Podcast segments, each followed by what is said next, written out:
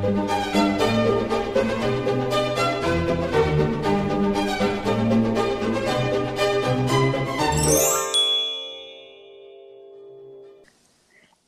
och välkomna till Kungligt. Med Jenny Alexandersson. Och Sara Eriksson. Och eh, idag så spelar vi in ett kungligt sommarspecial med fokus på semestrande kungligheter. Ja, I vanliga fall innan och bortom corona så har ju kungligheterna, liksom vi, smultronställen som de älskar att besöka under sommarledigheten. Och det är just de här platserna vi ska prata om idag. Ja men precis, alla kungafamiljer de har ju liksom sina små paradis och de har sina traditioner. Och de här traditionerna de går ju liksom i arv lite till nästkommande generationer. Och sommaren är ju en väldigt viktig tid för kungligheterna att få trappa ner och slappna av och ja, men ladda batterierna inför höstens kungliga plikter. Men innan vi startar den här podden och det här roliga ämnet så måste vi också dela med oss av våra egna favoritplatser att semestra på. Sara, ja. vad är ditt smultronställe? Jag har egentligen två måste jag säga. Jag är uppvuxen i Nora som ligger norr om Örebro och det är klart att få komma till Nora särskilt under sommaren när det är som vackrast. Det är ju verkligen en, en plats för mig att ladda mina batterier på och få umgås med, med nära och kära och familjen.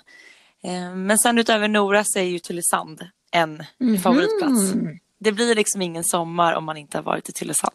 Och det ligger utanför Halmstad, eller hur? Ja, men precis. Så det ligger ju precis vid havet. Det är långa, en lång, lång sandstrand. Väldigt härlig miljö. Det känns lite som att man är utomlands när man är där. Och, eh, så jag är väldigt tacksam att vi nu får resa inom Sverige så att jag kan spendera eh, en och en halv vecka där under sommaren. Härligt. Var, var, var åker du Jenny under sommaren? Var hittar du din energi? Ja, men jag har nog eh, två platser också. Västkusten är bästkusten, Sveriges framsida, mina barndoms somrar. Skaldjur smakar som godast eh, på den västra delen av Sverige. Håller med dig. Eh, så det är ju, och jag är född eh, liksom runt, eller i, inte, jag är inte född i Borås, men jag är uppvuxen delvis i, i Borås. Eh, då var det nära till västkusten. Men ja, men det förstår jag. Ja, sen så är jag också väldigt förtjust i Arild en, en liten, liten ort i nordvästra Skåne där eh, min mans familj har eh, sommarhus. Och det är ett paradis på jorden. Det är så vackert som man dör. Och eh, ibland går vågorna höga vid bryggan. Eh, då vågar inte jag doppa mig, men när det är så där totalt vindstilla och havet ligger som en blank spegel. Alltså det är det vackraste jag vet. Ja, då badar jag. Då badar du. Mm. Nej, men hela västkusten är ju fantastisk. Jag älskar ju hela Bohuslän också. Det är ju verkligen, ja, man är väldigt tacksam att ha så fin natur i Sverige. Ja, men svenska kungafamiljens sommar den stavas ju ändå Öland med eh, väldigt stora bokstäver och eh, Soliden är det ju då som gäller. Det är ju kungafamiljens paradis och eh, efter att vår kung ärvde slottet av Gustav V år 1950 så har ju liksom vår kung spenderat varje sommar på Öland. Och eh, vi har faktiskt här spe spelat in ett helt avsnitt av Kungligt sommarspecial där vi pratar om Solidens historia och eh, kungafamiljens kärlek till platsen. Och eh, det tycker tycker jag att ni som lyssnar ska ta del av. Eh, det kan jag rekommendera att lyssna på. Då pratar vi verkligen om hela slottets historia och varför det blev just den platsen som slottet byggdes på. Men utöver Öland, Jenny, så har ju faktiskt svenska kungafamiljen en till favoritplats. Det stämmer och det är franska rivieran. Ehm, prins Bertil han köpte ju ett hus i Saint Maxim och det huset eh, det ärvde faktiskt kungen när prins Bertil dog 1997. Och det här huset det ligger väldigt vackert men också väldigt synligt precis vid strandkanten och det gör ju att den här platsen det är en dröm för paparazzi-fotografer. Och det har spekulerats i om kungafamiljen kommer att sälja huset på grund av det här. Men vi har inte sett några tecken på det än så länge. För trots att fotografer då, de ligger till och med i båtar utanför huset så ser vi faktiskt titt som tätt kungafamiljen vara nere på Rivieran och eh, jätteofta så åker de ut med kungens båt på Medelhavet. Och den här båten är lite speciell. Den har kungen haft i många, många år. Den heter Polaris. Den är 11,5 meter ren och skär lyx. Den har en självkylande ishink, musikanläggning och jätte jättebekväma solbäddar i akten. Det låter ju väldigt eh, flott att få glida runt på den i det här turkosa vattnet. Absolut. Och sen har vi ju sett eh, alla ny, alltså nyblivna familjemedlemmar i kungafamiljen, de små barnen, springa runt på den här lilla stranden som hör till Ja, huset också. det. Jättemysigt. Men det måste ju vara lite press just att de här ja, men, båtarna och paparazzi-fotograferna de har ju koll på familjen såväl i huset som på deras egna lilla privata sandstrand. Och vi har ju även sett ofta bilder då från den här båten som du pratar om Jenny, när de är ute och badar. Eh, men det känns inte som att det är någonting vi kan räkna med i år eftersom att den här sommaren så får ju kungligheterna leva som de lär, tänker jag. Ja, så länge det inte blir nya eller de här restriktionerna ändras så tror jag faktiskt ändå att kungafamiljen kommer hålla sig i Sverige så mycket de kan. Eh, prinsparet de har ju redan börjat posta jättefina semestertips i, i sina trakter. Ja. Eh, och när det gäller Madeleine så är hon ju kvar i Florida. Och hon är faktiskt den som varit mest tveksam till att tillbringa tid nere i St. Maxim. För hon har inte känt sig bekväm med att fotografer finns så nära. Det har till och med varit så att vissa år när kungafamiljen har varit där nere, då har hon valt att bo hos goda vänner i Saint-Tropez istället. Men det kan man verkligen förstå för Madeleine är väl den i familjen som kanske är mest skygg när det kommer till media och tycker att det där är riktigt jobbigt. Så att då blir det väl mer naturligt kanske att bo på ett ställe där man får vara mer privat. För jag menar, de är ändå här nere på semester. Eh, men som du nämnde så Carl Philip och Sofia de har ju verkligen tagit det här med hemester till sig och vill gärna inspirera oss andra till att kunna hitta nya smultronställen i Sverige. Eh, de har ju dels nu under sommaren varit vid sitt egna privata paradis i Källvik som ligger utanför Trosa. Och eh, det är ett väldigt fint hus de har där. Ökenäs heter det och det ärvde faktiskt prinsen ganska oväntat, eller hur Jenny? Ja, men verkligen. Eh, han ärvde det efter civilingenjören och gymnasieläraren Bertil Jonsén. Och Bertil Jonsén, han testamenterade då sina egendomar, Ökenäs, men det var också en lägenhet på Lidingö om jag minns rätt, till prinsen. Och han gick bort 2007. Och det här var ganska ifrågasatt just när det hände, för att Bertil Jonsén, han hade inte, han, jag, tror, jag har för mig att han inte hade någon direkt arvinge, så att okej, det var lätt för honom att testamentera till prinsen. Det var inte så att han var god vän med prinsen, utan de, de hade träffats några gånger på kungens motortorpedbåt. Som, Mhm. mm. Och den här veteranbåten den sköttes av ett gäng frivilliga och Bertil var då en av dem. Han var väldigt hängiven det. Och då hade han ju träffat prinsen i samband med det. Eh, men då var det också så här att eh, det, det blev lite så här villkorat på något vis för att det fanns en avlägsen arvinge som var beredd att avstå då det här arvet till prinsens fördel. Men när den här mannen fick reda på att prinsen var på gång att sälja eh, gården, då satte han stopp och sa att Nej, men det här är testamenterat för att det ska användas. Så Carl Philip han anlitade sin bästa vän, Jan-Åke Hansson. Han var ju bäst man på bröllopet eh, till exempel. Han och hans pappa som har ett företag eh, fick då i uppdrag att renovera och rusta upp gården. Eh, och det här byggföretaget gjorde till ett jättefint arbete för att idag är huset topprenoverat kan man säga. Ja, men det kan man ju tänka sig. Och den här platsen betyder ju väldigt mycket för Carl Philip och Sofia. De, de älskar ju sitt landställe och de har ju både en brygga och sjötomt så man kan ju tänka sig att det är härligt att hänga där under sommaren. Och det var ju faktiskt även här som Carl Philip friade till Sofia. Det, Men det var ju bra att han behöll huset, att det blev ja, deras men lilla verkligen. Och nu har vi ju sett på deras Instagram, prinsparet, att de även har spenderat tid där under sommaren. Ja, men visst. Och de har ju då satt i system att eh, dela med sig av sina små smultronställen. Ja, men precis. Nu senast i veckan fick vi se hur de besökte prins Alexanders utkiksplats som han fick i dopgåva. Och vi har även sett dem vara ute och cykla och vara på någon mountainbikebana och det har varit, det har varit lite allt möjligt. Så följ, dem, följ dem på prinsparet på Instagram så får ni se mer. Ja. Jag tycker att vi tar oss över till eh, grannlandet Danmark för att prata om hur danska kungafamiljen helst spenderar sina somrar. Ja, men det gör vi. Eh, De är ju ofta på Gråstens slott. Mm. Och i mer än ett och ett halvt sekel så tillbringade... Ja, men jag kan inte... Sara, idag sluddrar jag bara. Ja, men det är ingen fara Jenny, Det är nästa gång är det jag. semesterhjärnan. Ja. jag kände att jag var så igår. Ja, men det jag skulle Ja. berätta är liksom att drottning Ingrid av Danmark, hon tillbringade jättemånga av sina somrar på det här slottet som ligger på Jylland. Och det var ju hon som skapade den här fantastiska slottsparken och den lever ju frodas än idag och är jättevacker.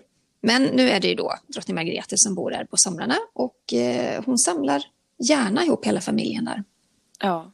Men den här slottsparken den är faktiskt blivit, den är väldigt populär. Det är liksom, man pratar ju om att det är en av Europas finaste slottsparker faktiskt. Mm. Eh, så den är, har man chansen att åka till Gråsten, inte just nu, men eh, när chansen ges så besök det slottet för det är jätte, jätte, jättevackert. Det är det. Mm. Utöver Gråsten så är ju även vinslottet Marselieborg utanför Århus. Århus? Ja, Århus. Ja, jag, sa, jag trodde jag sa Åhus. Ett väldigt populärt eh, resmål för familjen. Och uh, utöver det så tar de ju gärna en tur ut till havs med sitt skepp, Dannebrogen. Och det är ett väldigt, väldigt flott skepp. Ja, men det används ju både liksom till eh, vardags och till fest. Det har ju, mm. det har ju stått Frank... Nej, men förankrat. Förankrat. Sara, behöver vi semester eller? Nej, men alltså vi pratar om om kungligheternas semester. Men ja. jag funderar på vilka är, som mest behöver, vilka är som mest behöver semester. Vi har tydligen tappat talförmåga och fokus. Ja. Eh. Dannebrogen, det kungliga danska skeppet, det har vi sett i Stockholm, vid Skeppsholmen jättemånga gånger när danska kungafamiljen här. Det var det jag skulle vilja ha sagt. Nu fick du det sagt. Ja. och så tar vi ett hopp till Frankrike, för det är ju inte alls konstigt att danska kungafamiljen älskar Frankrike. Margretes man Henrik, han var ju fransman. Och eh, Margrethe och Henrik de köpte ju det här slottet Chateau de Caix i södra Frankrike. Eh, väldigt, väldigt tidigt, sen när de blev ett par. Och eh, här har ju danska kungafamiljen tillbringat väldigt många somrar. Mm. Men efter att prins Henrik eh, gick bort då 2018, då var det lite oklart vad som skulle hända med slottet.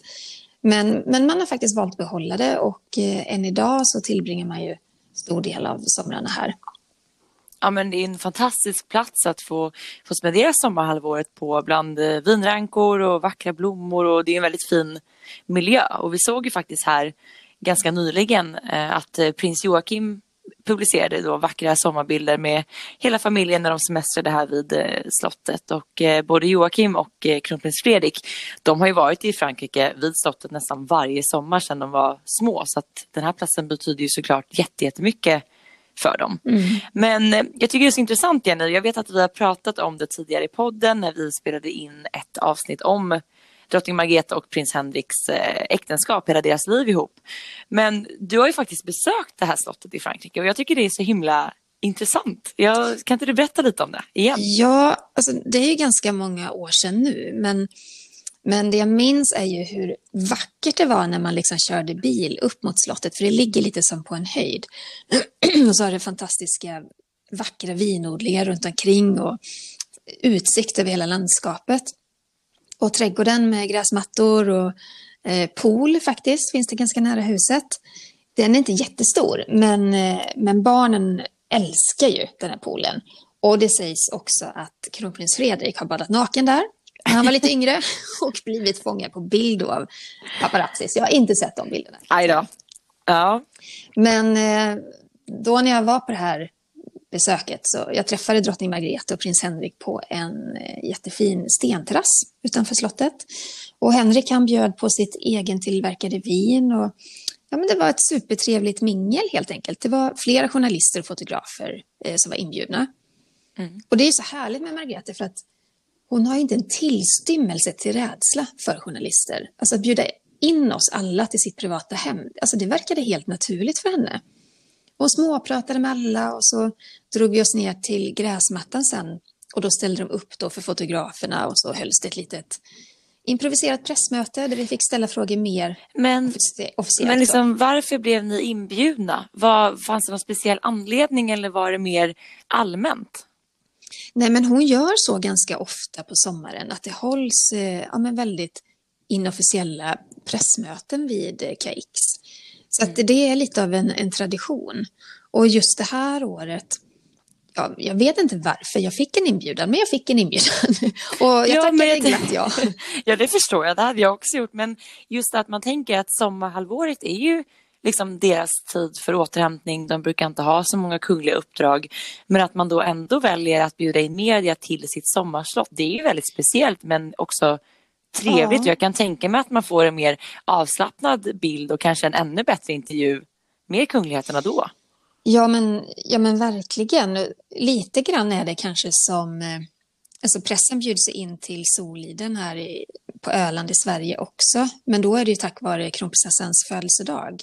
Mm. Eh, men, men hon har satt det i, i system och jag kan tänka mig, så här gör ju många, i alla fall europeiska kungafamiljer, att de har vissa pressmöten kanske just för att mätta behovet av information och bilder och sådär. Och då passar ja. sommaren bra. Och så kan de ju tänka att ja, men nu har pressen varit här, då kanske vi blir lämnade i fred resten av veckorna som vi är kvar. Ja, men det är lite det här att mätta medierna på något sätt. Ja. Det kanske är därför de gör så. Men jag tycker bara det är så häftigt att du faktiskt har varit på plats där. Ja, men det var väldigt mysigt. Och det här är ett slott, ja, men det var också ganska enkelt. Ehm, jag minns att i köksfönstret så stod det ett fling, flingpaket. Det var väl något av barnen som, som åt de där flingorna till frukost. Ja, det låg lite böcker på en stol, en sjal var slängd över bänken. Det var, det var liksom familjärt och enkelt kanske lite grann som Stenhammars slott är för det svenska kungaparet. Så här, enkelt och lantligt och, och mysigt. Ja. Ett lite annorlunda liv jämfört med deras vardag. Skönt också med den kontrasten kan man tänka sig. Mm. Och eh, apropå det här med prins Henriks egen, egen tillverkade vin så min kompis var faktiskt och besökte Gråstens slott förra sommaren i Danmark. Och då köpte hon med just prins Henriks alltså, vin därifrån. Det var ju en väldigt kul present att som en sann royalista få. Mm, ja men verkligen. Har du smakat ja. på det? Jag har inte gjort det än. Jag väntar på ett speciellt tillfälle. men det lär ju komma sen. Ja, jag minns att jag tyckte det var okej. Alltså, det kanske inte var någon smaksensation, men, men det, var, det, var, det var fint vin. Liksom. Och de brukar ju bjuda på det när det är statsbesök och, eh, och andra stora event. Så att, ja. ja. Mm. ja men jag, jag, håller, jag uppdaterar er angående vinsmaken ja. här. Det är ett rosévin. Vi får se. Det kan bli under sommaren. Mm. Mm. Vi hoppar över till norska kungafamiljen. För att de tillbringar ju jättegärna sommaren ute till havs. Eh, hela familjen älskar att segla, vara nära vattnet. Och i Tönsberg så har kung Harald och drottning Sonja sitt sommarparadis Mågerö. Och det skaffade de 1993. Ja, och det här har ju även kommit att bli en plats såklart som deras eh, barn tycker väldigt mycket om och de i sin tur tar gärna med sina barn dit till platsen. Eh, som du säger Jenny så gillar de ju att vara ute till havs mycket. Eh, kungaskeppet Norge används ju både vid eh, representation men även i privata sammanhang och eh, kungafamiljen har ju kryssat med fartyget i Medelhavet om somrarna ibland. Åh vad härligt. Ja, väldigt. Drottning Sonja hon är även en eh, stor fantast av att gå på tur och vandra i de norska fjällen. Och det är någonting som eh, både Håkon och Märta-Louise har tagit efter. Och eh, där är det ju tur att Håkon har träffat just Mette-Marit för hon är ju riktig friluftstjej som ja, men mer än gärna hänger med på såväl tur som ja, men på vintern åker de mycket skidor och sådär. Så att det känns som att de verkligen matchar varandra där. Mm. Och tidigare så ägde ju prinsessan Märta Louise ett stort sommarhus, eh, Bloksberg, på ön Hankö utanför Fredrikstad. Det är ganska nära svenska gränsen. Men hon sålde faktiskt det nu, väldigt nyligen. Och den här stora vita villan på 400 kvadrat och en stor saltvattenbassäng, det fick hon i förskott av arv då av sin pappa kung Harald i början av 2000-talet. Och det är ju en helt fantastisk fastighet. Det norska kungahuset har ägt det i över 70 år. Mm. Det köptes av dåvarande kronprins Olav. Och för Märta-Louise betyder det extra mycket för att hon födde faktiskt sin dotter Lea Isadora i huset. Så det är ju det är väldigt speciellt. Ja, det blev ju också en väldigt stor grej. Jag vet att vi har pratat mycket om det i programmet Kungligt som vi har spelat in. Eh, just att hon valde att liksom sälja någonting hon har fått i arv och ett hus som ändå har funnits inom den norska kungafamiljen mm. så det är, det är ganska märkligt och det är klart att det blev en stor nyhet. Det var ju många som spekulerade i om det handlade om att hon behövde få loss pengar. Eh, hon, eh, hon banaget i, i Norge. Men, eh, och det låg ute till försäljning i två år om jag minns rätt. Eh, och i början då så var prislappen 35 miljoner norska kronor. Men i år så hade man sänkt det med 10 miljoner så att nu var det då till salu för 25 miljoner. Och någon slog ju till då. Men vem köparen är och vad den slutgiltiga prislappen hamnade på, det, det, har man inte velat berätta. Det håller man hemligt. Men visst var det så också att den här försäljningen, den kom ju inte långt efter att hon då valde att avsäga sig sin titel? Eller? Har jag, minns jag fel? Nej, nu tänker du nog fel för att hon, hon Märta Louise blev ju av med sin titel innan bröllopet med Ari Ben.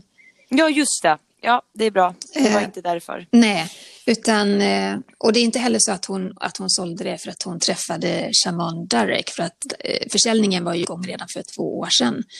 Men, men det har ju spekulerats i, kan det vara så att hon behöver få loss pengar helt enkelt? Ja, ja det är ju tråkigt att göra sig av med en så fin villa. Ja, den är fantastisk. Om man tittar på bilder på den så ligger den liksom uppe på, en liten, på ett litet berg eller på toppen av den här ön. Liksom. Jättefint. Om man kan googla det, eh, mm. Luxberg på, på nätet så kan man få se bilder på det här huset. Eh, jättefin villa. Ja. Några som eh, inte kanske fokuserar så mycket på poolbadande eh, på sommaren, det är ju den brittiska kungafamiljen.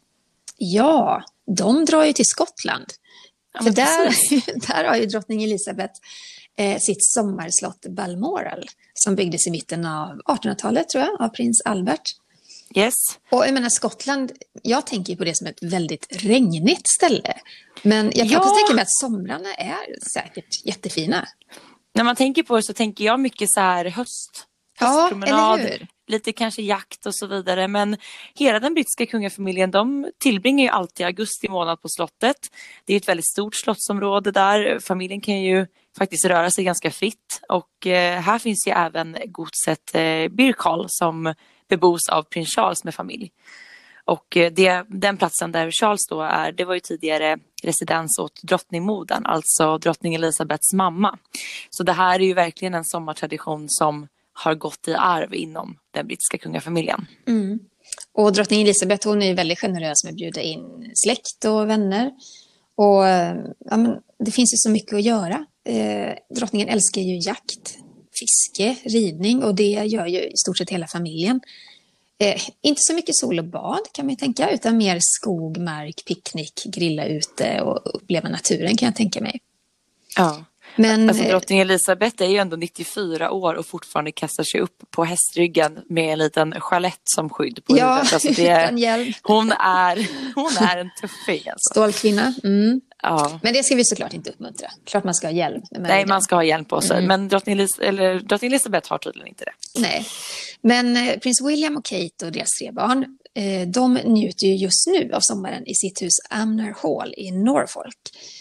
Och eh, det har man kunnat se inte minst då på prinsparets Instagramkonto för att Kate hon är väldigt generös med att publicera bilder på barnen.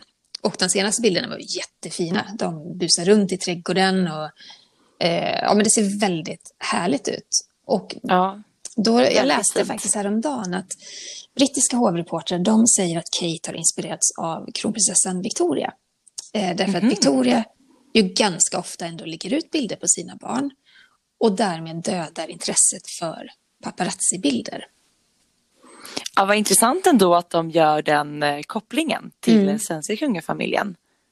Ja, jag det tänker... ser vi faktiskt, alltså, vi, jag tänker prinsessa Madeleine som ändå hennes barn utgör ju inte ens längre en del av det svenska kungahuset och ändå får vi fortsatt se bilder mm. på barnen. Så att det är verkligen någonting som de har tagit till sig och som uppenbarligen verkar fungera ganska bra. Mm. Ja men verkligen. Och om man ska gå tillbaka till Anmer Hall så kan man säga att det är ju då en fastighet som varit i kunglig ägo sedan mitten av 1800-talet. Och den här pampiga tegel och stenbyggnaden, den är fantastisk. 2011 så fick William och Kate huset i gåva av Elisabeth. Och eh, de bodde faktiskt där permanent mellan 2013 och 2017 eftersom William jobbade i närheten. Han han var ju ambulanshelikopterpilot tidigare. Eh, men i september 2017 så flyttade de tillbaka till London. Och nu är det det här pampiga huset bara inom parentes deras sommarhus. Lilla sommars, sommarhuset. Ja, med tio, tio sovrum, tre våningar högt. Perfekt. ska man ha om man är kunglig tycker de. Mm. Mm. Men William och Kate, de vet ju faktiskt även hur man ska semestra i lyx. För att eh, båda två, de älskar den här privatägda ön Mystique, heter den va? Mm. Som ligger i St. Vincent. Och eh, det är ju minst sagt ett flott paradis. Ja, ett riktigt så här karibiskt paradis. Eh, och det var egentligen prinsessan eh, Margaret, syster till drottning Elizabeth, som så att säga upptäckte ön på 1960-talet. Och sen har ju kärleken till ön gått i arv i familjen. Eh, William tog med sig Kate för att fira Baby Moon innan prinsessan Charlotte föddes. Och de firade, firade faktiskt Kates mammas 60-årsdag där också. Bra uppladdning inför förlossningen och få hänga på den där lyxön. Ja, verkligen. ja, verkligen härligt. Alltså det är ju sånt där, alltså vattnet där är ju liksom kristallblått. Det är helt fantastisk miljö. Ja, och familjen de bor ju oftast i Villa Rosina, en fantastiskt lyxig privatvilla. Gigantisk pool, fantastisk utsikt, allt man kan önska. Och eh, huset ligger bara ett par meter från den här privata stranden. Och där har man ju hört att William älskar att snorkla. Eh, vad kan man mer säga om huset? Ja, men eh, varje sovrum här det har ju liksom ett eget badrum, en walk-in closet, eh, alltså det finns ett exklusivt gym, butlers, eh, trädgårdsmästare, städpersonal. Ja, men det, liksom, det finns det de behöver om man säger så och bara ett stenkast ifrån den här pampiga villan så finns ju också ett femstjärnigt spa dit Kate ofta går för att få och ansiktsbehandlingar och eh, på den här ön så är det ju då liksom förbjudet att plåta kändisar i smyg. Vilket gör att eh, Mystique är den perfekta platsen för kungligheter om de vill semestra i fred. Mm. Mm. Och det vet vi att William och Kate de har ju tidigare blivit utsatta för paparazzis på eh, sin semester. Jag tror att det var i Frankrike eh, när Kate blev plåtad eh, när hon solade topless. Och det ledde, ja. det ledde ju till en hel del stämningar och eh, eh, ja, eh, tuff situation. Men då vet vi, då kan de ju dra till Mystik. Där, får Där kan man sola hur man vill utan att hamna på bild. Så Precis. Ja. Om man kollar på holländska kungafamiljen. Eh, kung Willem Alexander och hans eh, drottning Maxima. De eh, tillbringar somrarna mm, med sina tre, tre döttrar lite varstans i världen. Eh, ibland besöker de Maximas mamma i Argentina och eh, ofta är de i Italien i ett slott som eh, de ärvt efter eh, drottning Juliana. Men eh, kungaparet har ju även ett eget sommarhus i grekiska Peloponnesos. Och det är tydligen helt eh, fantastiskt vackert. Men visst var det så att eh, Wilhelm Alexander och Maxima faktiskt förälskade sig i Grekland? Att det var liksom där på något sätt det, det, startade lite för dem, så den platsen måste ju ja, betyda extra mycket för dem. Ja, alltså det, det ska ha startat när de var gäster på prins Nikolaus och Tatjana Blatniks bröllop på den här grekiska ön Spetses i augusti 2010. Och, eh, och då valde de då att skapa sitt eget grekiskt hem. De köpte en lyxvilla i staden Dorofi. Lyssna här nu, det är 4 000 kvadratmeter stort. Oj. Eh, det ägdes tidigare av stjärnfotografen Manfred Riker. Och smakade så kostade 40 miljoner kronor fick kungaparet hålla upp för det där topputrustade huset. Oj. Undrar om det är i och med att det är sånt där vitputsat hus. Jag tänker lite den här Mamma Mia-feelingen. Mm. Men 4 000 kvadratmeter, I don't know, behöver man det?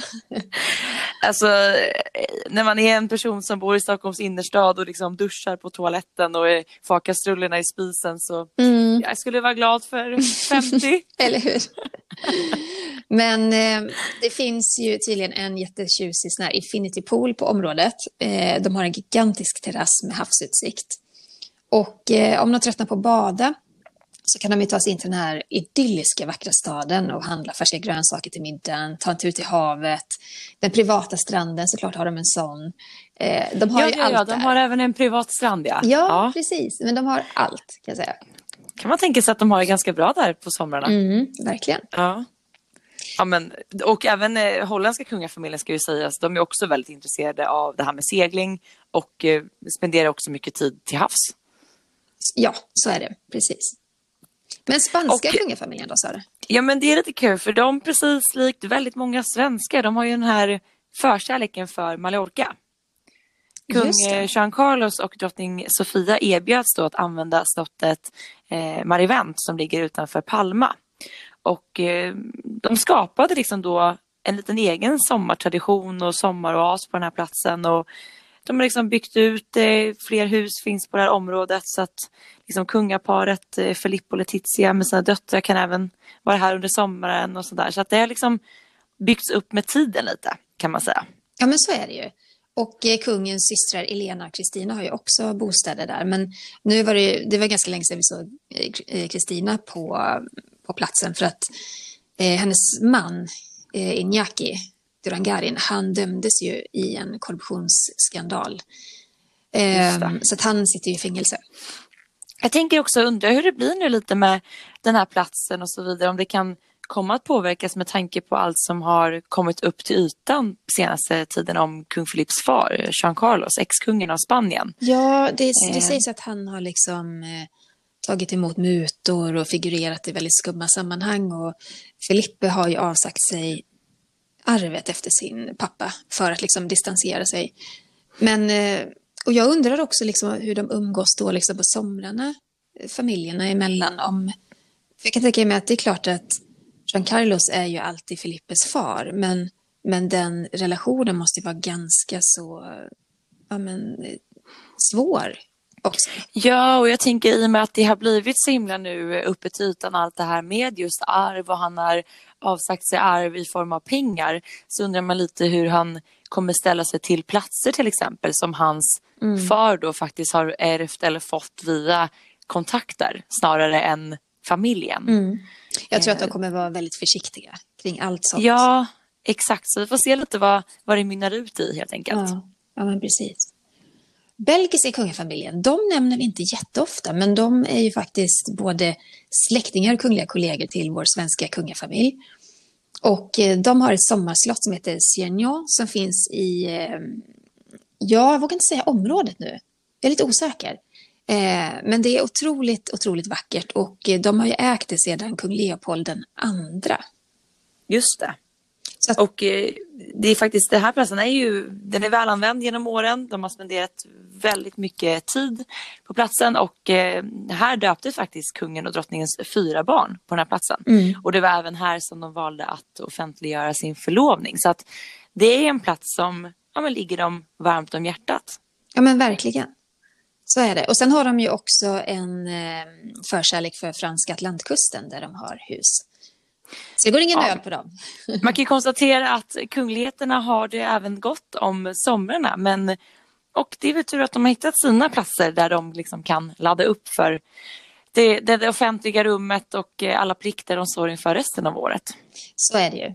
Och sen ska man inte sticka under stol med att eh, i alla fall svenska kungafamiljen har ju väldigt mycket eller väldigt mycket semester. Nu har ju de speciella jobb som gör att de är i tjänst i stort sett dygnet runt. Men sommarsemestrarna på Soliden på Öland till exempel, det sträcker sig över många veckor. Och eh, ja, de får väl ta igen sitt privatliv då, i och med att de inte kan göra det så ofta i vardagen så att säga. Tänker att det blir väldigt mycket tid till eh, familjen under de här perioderna. Verkligen. Mm. vi har fått en lyssnarfråga Eh, Gud, Vad kul! Ja, Gudrun undrar så här. Eh, bor alla kungligheter på Öland nu i sommar? Umgås de lite mer friare med varandra som familj? Eh, sen är man lite undrande, Madeleine och Chris, kan det vara en separation på gång?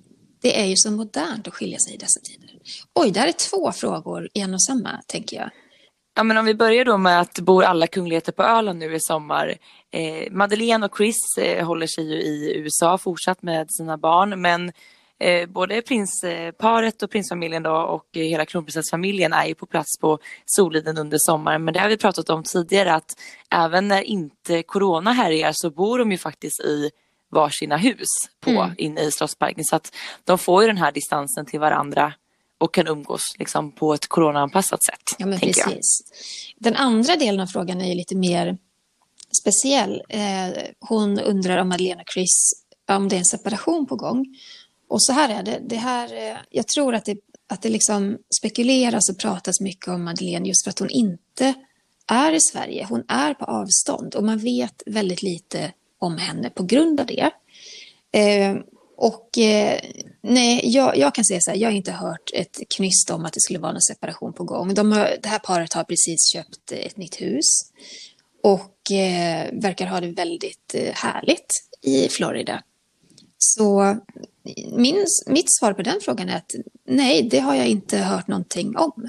Men jag har också så förståelse att folk är nyfikna på Chris och Madeleine och hela familjen. Och jag tror mycket beror på att de, det finns ju en större distans mellan Madeleine och svenska folket nu eh, ja. än vad det gjorde innan.